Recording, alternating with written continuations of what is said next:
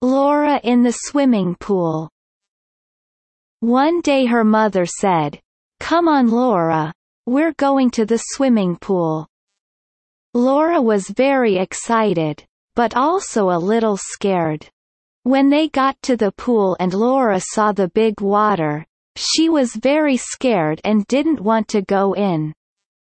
But her mum said, it's okay to be a bit scared. But let's try it anyway.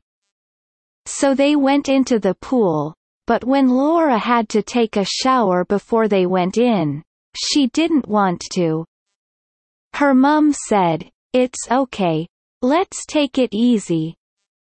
But Laura was still scared. When they finally got in the water, Laura saw the other children playing and having fun. And suddenly Laura thought, if the others can do it, I can too. So she started playing and having fun in the water with the other children.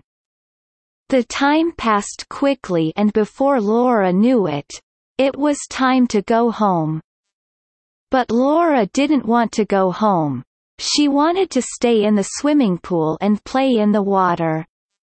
Her mother said, we will come back again. I promise you.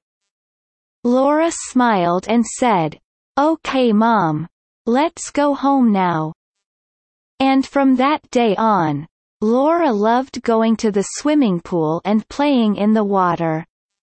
Then came the day when Laura and her mother had to go to the swimming pool again.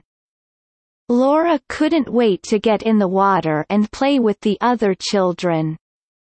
When they got to the swimming pool, Laura immediately went under the shower and changed her clothes, without being scared.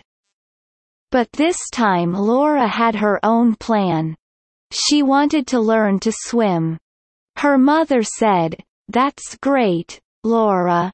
But let's take it slow. But Laura was determined to learn. So Laura started taking swimming lessons with an instructor. It was hard at first, but Laura persevered and practiced every time they came to the pool. After a few times, Laura started to get the hang of swimming technique. Laura was now able to swim in deep water and make wild movements in the water.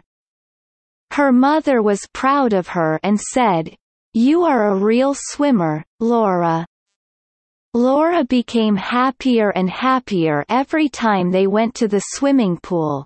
And soon swimming became her favorite sport. She swam in competitions and won several prizes. One day Laura said to her mother, Thank you for taking me to the pool the first time.